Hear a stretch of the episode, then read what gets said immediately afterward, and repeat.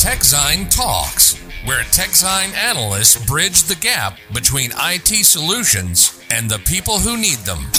TechZine is your single source of truth. For more information and insights, visit techzine.nl or techzine.eu. Don't forget to subscribe to this podcast. Welkom bij weer een nieuwe aflevering van de TechSign podcast. En in deze aflevering gaan we het hebben over...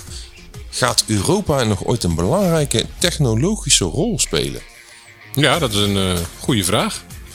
Want we zijn natuurlijk best wel wat uh, bedrijven kwijtgeraakt in de afgelopen uh, nou, decennia. decennia. En ja, je hebt, je hebt er nog wel, natuurlijk wel een paar. De, de, de, misschien nog, nog een Nokia bijvoorbeeld. SAP. SAP. ja, je hebt wel een paar dingen die uit Europa komen. Hè? Bijvoorbeeld een process mining bijvoorbeeld. Dat is, een, dat is echt een Europees, een Europees product of dienst. Dus de partij als Salonis is niet voor niks Duits, zullen we denken. ASML. Ja, ASML. Nou, ja, dus dus er, er, er, zit nog wel, uh, er zit nog wel wat. Maar we zijn wel wat kwijtgeraakt inderdaad. Zeker, zeker. Maar voordat we hier uh, op de deep dive ingaan, laten we beginnen met het uh, begrip van de week. Dus laten we onze tune even instarten. Het begrip van de week is chiptekort. Nou, je kondigt het mooi aan in ieder geval. Ja, toch? Ja, terwijl het natuurlijk best wel een, een, een, een nijpend probleem is inmiddels. Nou, een kleintje maar toch? Ja, ja, zonder chips kunnen we niks meer tegenwoordig.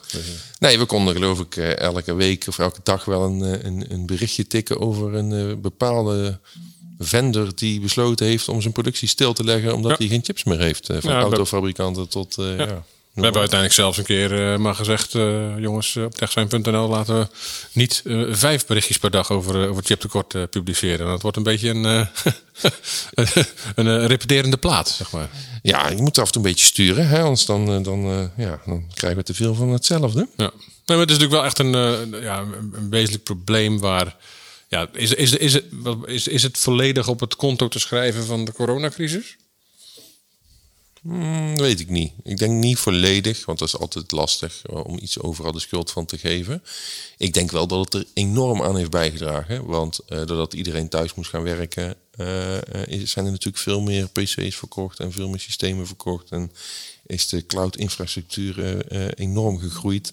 Waardoor er, zijn uiteindelijk allemaal chips voor nodig. Uh, ja, de auto-industrie beschikt in principe over andere chips en dat daar een tekort aan is. Dat is op zich een beetje vreemd, want het is nou niet zo dat de autoverkopen door het dak zijn gegaan door de coronacrisis. Nee. Nee, wat ik zelf altijd een beetje, toch in, zeg maar, in, in, in hindsight zeg maar, een beetje vreemd vind, is dat we, ik weet niet of het nog weet, maar vorig jaar februari, januari, kwamen er allemaal al berichten over, uh, over, uh, over verlengde levers, levertijden bij, uh, bij webshops en dat Coolblue en zo. Die kwam allemaal van ja, we, we, verwachten stevige tekorten. En ja, misschien heb ik het helemaal gemist hoor, maar ik heb daarna leek het allemaal ja, wel mee te vallen op de een of andere manier. En ik weet niet of dat nou ook te maken had met die chiptekorten. Dat had ook, dat, dat, het was natuurlijk het begin van de coronacrisis met, met, met, met supply chains en dat soort dingen allemaal. Dus um, maar ik heb het idee dat het pas begin dit jaar weer echt uh, enorm nieuws is geworden. Dus... Ja, ik denk wel dat het nu een bredere uh, sectoren is gaan raken. In het begin was, waren het vooral consumenten elektronica. En nu zie je dat in veel meer uh, sectoren er sprake is van een chiptekort. Ja. Um, nou ja, het chiptekort. Nou ja, wanneer is het chiptekort opgelost? Nou ja, als ze meer produceren. Wanneer gaan ze meer produceren? Ja, dat duurt nog even. Want zo'n uh, fabriek uit de grond stampen met zo'n prachtige machine van ASML, waar die met chips uit, uitkomen rollen. Ja, dat duurt gewoon nou, anderhalf, twee jaar. Ja, zeker als het uh, uh, als, als het in landen moet gebeuren waar, waar ASML bijvoorbeeld misschien niet eens machines aan kan slash mag leveren van, van, van andere partijen in de markt. Ja, en China leveren is een beetje lastig ja, momenteel. Ja. Dus daar moet een oplossing voor komen. dat is een hele politieke kwestie die, die enorm lastig te duiden is. Ja, maar in hoeverre is zo'n chiptekort dan het gevolg van, van, van die Amerikaanse maatregelen, denk je dan? Ja, ik denk dat dat wel meevalt, want ik denk dat Zuid-Korea echt enorm veel produceert. En uh, daar wordt ook enorm geïnvesteerd. Dan heb je Taiwan nog, daar mag wel aan geleverd worden. Ja. Daar wordt ook enorm geproduceerd. Dus ik denk dat uh, dat niet echt uh, een rol speelt. Het zou wel kunnen hoor, maar ik denk niet dat daar de oorzaak ligt. Ja, dan is het maar even afwachten wanneer we er vanaf zijn. van het chiptekort, denk ik. Dat denk ik ook. Nou ja, dan... Gaan we over naar de deep dive. Want ja, het haakt een beetje in op het chiptekort, maar niet helemaal natuurlijk. Gaat Europa nog ooit een belangrijke technologische rol spelen? Uh, ja, de reden voor dit onderwerp is natuurlijk omdat we, we, we zien die hele strijd ook uh, de afgelopen jaar tussen uh, de VS en China. die, die toch daar een beetje om draait. Want China lijkt een technologische wereldmacht te worden. Dat is ook een doel van ze. 2025 willen ze dat zijn. En Amerika zegt, ja dat is leuk, maar daar willen we eigenlijk niet. Ja. Dus daar gaan we een stokje voor steken. En wij zitten er een beetje tussenin. Uh, ja, wij zijn meestal de loopjongen van de VS, toch een beetje in Europa, of mag ik dat niet zeggen? Ja, jij mag alles zeggen. Leven, wij, als het goed is, is dit een vrij land, dus je mag alles zeggen wat mij betreft. Maar uh, ja, het is ook, moeten wij een keuze maken in, in, in dit hele verhaal? Ja, ik denk dat Europa een keuze voor zichzelf moet maken. Ja. En, en, en ja, was dan een belangrijkere partner, China of de VS? Ik denk dat dat ook een hele lastige keuze is. Ja, ja want uiteindelijk, de, de, aan de ene kant worden er natuurlijk heel veel uh, heel veel dingen worden er opgekocht vanuit, uh, vanuit de VS bijvoorbeeld. Ja. Uh, ja, vanuit China heb je dat wat minder. heb je dat wat minder? Dat, dat die hier shoppen voor, voor, voor, voor, voor bedrijven en start-ups volgens mij. Nee, maar ja, die maken natuurlijk wel heel veel producten voor ons die, dan, die, die wij daardoor goedkoper kunnen kopen. Ja. Ja, want laten we ook gewoon dan te veel dingen overnemen door, uh, ja, door met name dan de VS, denk ik. In dit geval. Ja, dat denk ik wel, maar de, misschien moeten we ook naar de oorzaak kijken. Kijk, het feit is gewoon, uh, elke potentiële start-up die we in Europa hebben, die wordt toch wel vaak overgenomen door een Amerikaans bedrijf. En verdwijnt vervolgens in Amerikaanse handen, wordt ontbonden en de technologie wordt hergebruikt door een, door een grote Amerikaanse club. Um, en daardoor zie je dat er in Europa gewoon heel weinig over is. Ja. Ik heb toevallig uh, vorig jaar augustus heb ik daar een artikel over geschreven. Um, oh, een plug, een plug mensen. Ja, ja, ja zeker.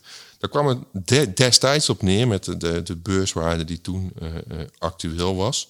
Dat de top 10 van de Europese grote techbedrijven, dat die gezamenlijk uh, maar iets van 30% waard waren van alleen Apple. Ja, nou, dus Apple ook wel, wel heeft natuurlijk wel een enorme uh, market cap. Ja, ja, maar een derde van Apple is de complete top 10 van Europa. Is dat wel een vergelijking van je denkt, oh, dat is wel, is wel weinig, zeg maar. Ja. Um, uh, en, en dan in die top 10, even voor de, voor de duidelijkheid, daar zitten dan hè, van wat ze in Europa definiëren als techbedrijven, waarvan ik denk, ja, is dat helemaal een techbedrijf? Er zit een Zalando tussen en een, en een, en een, en een, en een takeaway, ja. just eat en zo. Ja, ja ik weet dat, is een beetje, dat haakt natuurlijk een beetje in op, het, eh, op, de, op, het, eh, op zeg maar het, uh, de nieuwe kreet dat iedereen, alles een softwarebedrijf is. Dus als je het op die manier bekijkt, dan, is het, dan, dan zijn er natuurlijk nogal wat techbedrijven in de wereld. Ja, oké. Okay, ja. in, de, in, de, in de top 6, zeg maar, vind ik meer dat er wel echt is SAP, ASML, Adyen, de betaalprovider, Dassault Systems, Spotify, NXP. Dat is een beetje de, de, de, de top van Europa. Ja, maar dat zijn, dat zijn ze ook wel zo'n beetje. En NXP is dan nog een soort joint venture volgens mij met een Amerikaanse hut. Dus... Nou ja, dan zou je nog kunnen, kunnen, kunnen afvragen of Spotify überhaupt wel een techbedrijf is. Maar goed, dat is dan... Uh... Ja, nou, dat, wel meer dan... Dan, dan... dan Zalando, denk je? Ja. Bij mij maakt ja, weet ik niet. in mijn hoofd uit. Ja, ja, Maar ja, laat, laat wel zien dat er een groot verschil is tussen, tussen Europa en, en Amerika. Ja. En, en, en, die discussie die leeft natuurlijk ook enorm, uh, ook, ook in de Europese politiek. Ja. Maar of er echt een oplossing voor komt, uh, dat, dat, dat, dat, vraag ik me wel een beetje af. Hè, want ze willen van alles, maar hè, er zijn al meerdere pogingen gedaan. Moeten we niet een Europese cloud gaan bouwen? Nou ja. Nou ja, kijk, Europa zit natuurlijk veel meer in de, in de in de, in de wet en regelgeving. Niet zozeer in, in, in het optuigen van, uh, van faciliteiten en dat soort dingen allemaal. Als je nu je had het net over, over een Europese cloud. Uh, heb je natuurlijk over dat, dat Gaia X, waar ze, waar ze al een. Uh, maar is het bijna een jaar geleden of mij formeel ja, Maar loopt al twee jaar of zo. maar in ieder geval. Um, dat, dat is ook niet echt een cloud. Het is niet alsof dat een concurrent wordt van, van AWS of van Google of van, van Microsoft. Dat is meer een framework van ja, concepten en, en, en dingen om, om, om alles aan elkaar te kunnen knopen. Dus dat je, uh, uh, ja, dat je dat je op een veilige manier met, met je data om kan blijven gaan. Zonder dat je dan Ja, binnen de van- Europese kern. zeg. Ja, dus, dus je, ja, misschien is het misschien is het een soort van extensie van GDPR, zou ik maar zeggen. Maar je, je, het is niet alsof eh, Euro- Europa nu in één keer overal wat enorme datacenters gaat neerzetten. Dus, dus ook dat is niet echt een product. Wat ze, dat is ook meer een, ja, een, eh, een stuk, stuk regelgeving en een stuk di- directives, volgens mij noemen ze die dingen in de commissie, bij de Europese Commissie. Ja. En ja, dat is dan toch weer wezenlijk anders dan, dan de, maar, de, de harde, harde pro- producten, fabriekenwereld. Zoals je die in, in, in, de, in, in de VS en in China ziet.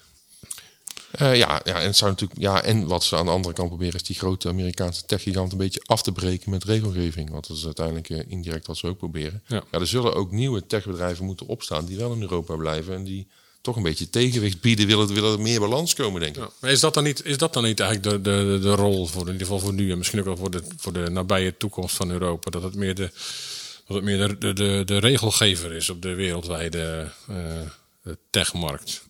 Ja, maar kan je- heb je dan bestaansrecht op, als op een gegeven moment Amerika of China zeggen, dat is leuk dat jullie die regels hebben, maar zoek het maar uit. Ja, dat zal te maken hebben met je status als, eh, als economische kracht natuurlijk. als, we, als, we, als, er, als Europa zeg maar, op een duur echt naar een, eh, een bedenkelijk niveau afglijden qua, qua, qua, qua status als economische superkracht. Nou, laten we hopen dat we dat niet meemaken in elk geval. Maar ja, Nee, maar da- da- dan heb je natuurlijk wel een probleem. Maar zolang je als, als Europa heel relevant bent. Hè, want ik denk dat er geen enkel bedrijf is. Nou, dat is misschien, dat is misschien iets te gechargeerd. Maar eh, er zijn weinig bedrijven in de wereld die geen zaken doen met Europa. In de breedste zin van het woord. Dus ja, je kunt natuurlijk wel heel veel dingen eh, beïnvloeden. eh, door het ja, op deze manier aan te pakken. Middels regelgeving en, en, en dat soort dingen allemaal. Dat wel, ja. ja. Ja, en je ziet natuurlijk wel dat, dat ze soms iets proberen. Alleen ja, de vraag, ja, ik, ik, ik- kan er dan niet zo goed bij. Hè. Ze zijn nou bezig om dan toch in die, in die halfgeleider in, industrie willen ze dan investeren.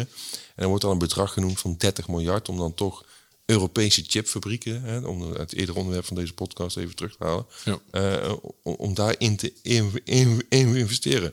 Maar dan zie je tegelijk, eh, in Zuid-Korea doen ze dat ook. Ja. Maar dan pakken ze met 450 miljard uit. Ja, dan, dan zie je al. Klein verschilletje. Ja, dat is 15 keer meer. Ja, dan, dan, dan, en dan hebben ze ook nog als doel dat 20% van de chips wereldwijd in Europa gemaakt moet worden. Terwijl Zuid-Korea er dan al 450. Ja, dat ga je dan al nooit, nooit halen natuurlijk. Nee, en dan, heb je daarnaast ook nog een beetje de, de scheve verhoudingen. Bijvoorbeeld als, eh, als, als voor mij is Pat Gelsinger recent nog over geweest hier om te praten over het bouwen van, van fabrieken voor Intel. Eh, en dan wordt daar een, pr- een prijs gevraagd waar ze er in Amerika twee van kunnen maken, bij wijze van spreken. Ja. Of in ieder geval het dubbele. Eh, dan, dan, dan heb je ook het idee dat je niet helemaal serieus genomen wordt als, eh, als onderhandelingspartner. Of misschien meer als een soort van, eh, van melkkoe gezien wordt, eh, denk ik. Nou ja, ik denk dat Intel gewoon dacht, eh, we vragen gewoon het bedrag wat het kost om zo'n fabriek neer te zetten. En dan hebben we een gratis fabriek. Ja. Nou, dan is het niet echt investeren. Dan, dan, dan, maar dat, aan de ene kant is dat natuurlijk ook logisch. Want Intel hoeft niet per se te investeren. Ze moeten moet wel investeren in nieuwe fabrieken. Want ze hebben wel een paar uitdagingen natuurlijk. Maar dat is een, misschien een ander onderwerp voor een ander, voor een ander gesprek.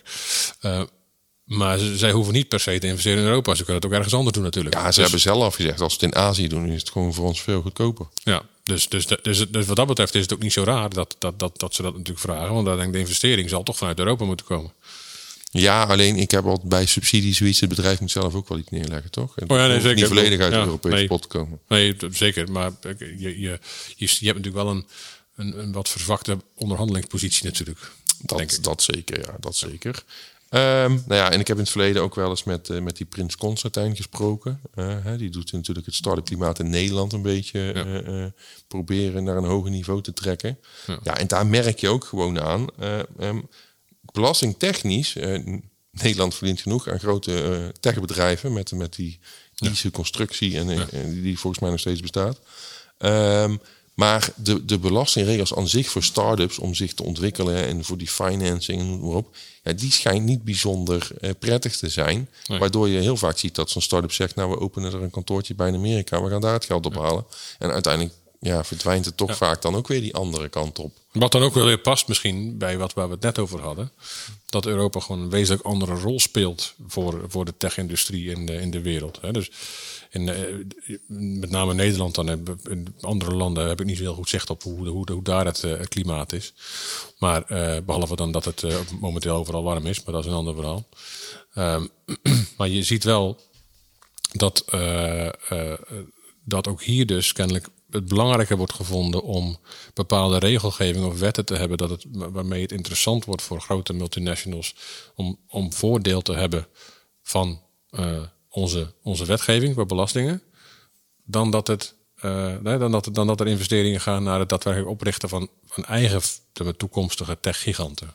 Dus daar zit wel een parallel in, denk ik, in, in, in de rol die Europa en in, in, in wat kleinere mate, meer grotere mate misschien Nederland ook speelt. Maar dat is dan geen technologische rol waar we dan eigenlijk het onderwerp mee openen. Gaat Europa nog ooit een Nee, dat klopt. Dus, dus, dus, maar dan denk ik dat met mijn, mijn eerdere punt van dat, ze, uh, dat, dat, dat Europa en, en, en Nederland in, in, in, in specifiek dan uh, meer een rol speelt op het gebied van wet en regelgeving en, en, en, het, en, het, en het controleren van dingen en, het, en in dit geval dan het, het faciliteren van belastingvoordelen voor, uh, voor techbedrijven.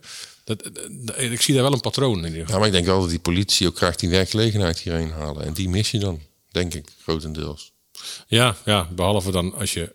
Ik, het is ook de vraag uh, in hoeverre je in, heel, in, in, in, hoeveel Europese landen je nog echt fabrieken met allemaal uh, uh, werklui moet hebben of moet willen hebben.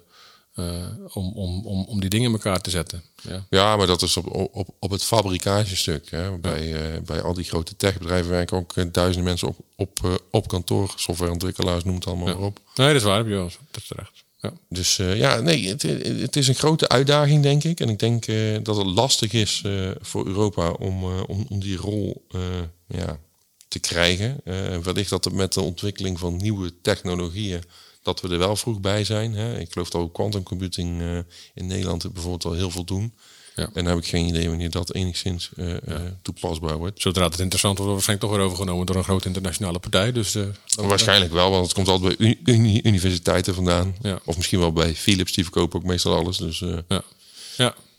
Ja, ja, ik bedoel, dat, uiteindelijk zou, zou, het leuk zijn als we gewoon weer eens een keer een soort Philips we hebben. ASML hebben natuurlijk wel, als een echt een grote Nederlandse speler. Maar nog, nog wat meer bedrijven die, uh, die, ja, zoals uh, de Duitsers uh, SAP hebben, zouden we al wat meer. ja. ja. Ja, goed. Dat is goed. Dan is voer, voer, om over, goed, voer om over na te denken, zou ik zeggen. Ja, en misschien nog eens in de toekomst om na, na te praten. Ja. Bedankt voor het luisteren en vergeet je niet te abonneren op onze podcast en kijk op de site voor de meest recente artikelen. Uh, zaken die we besproken hebben staan in de omschrijving van deze podcast nog mooi gelinkt. TechZine Talks. Tot de volgende keer wanneer we het gaan hebben over integratie. Visit techzine.nl or techzine.eu. Don't forget to subscribe to this podcast.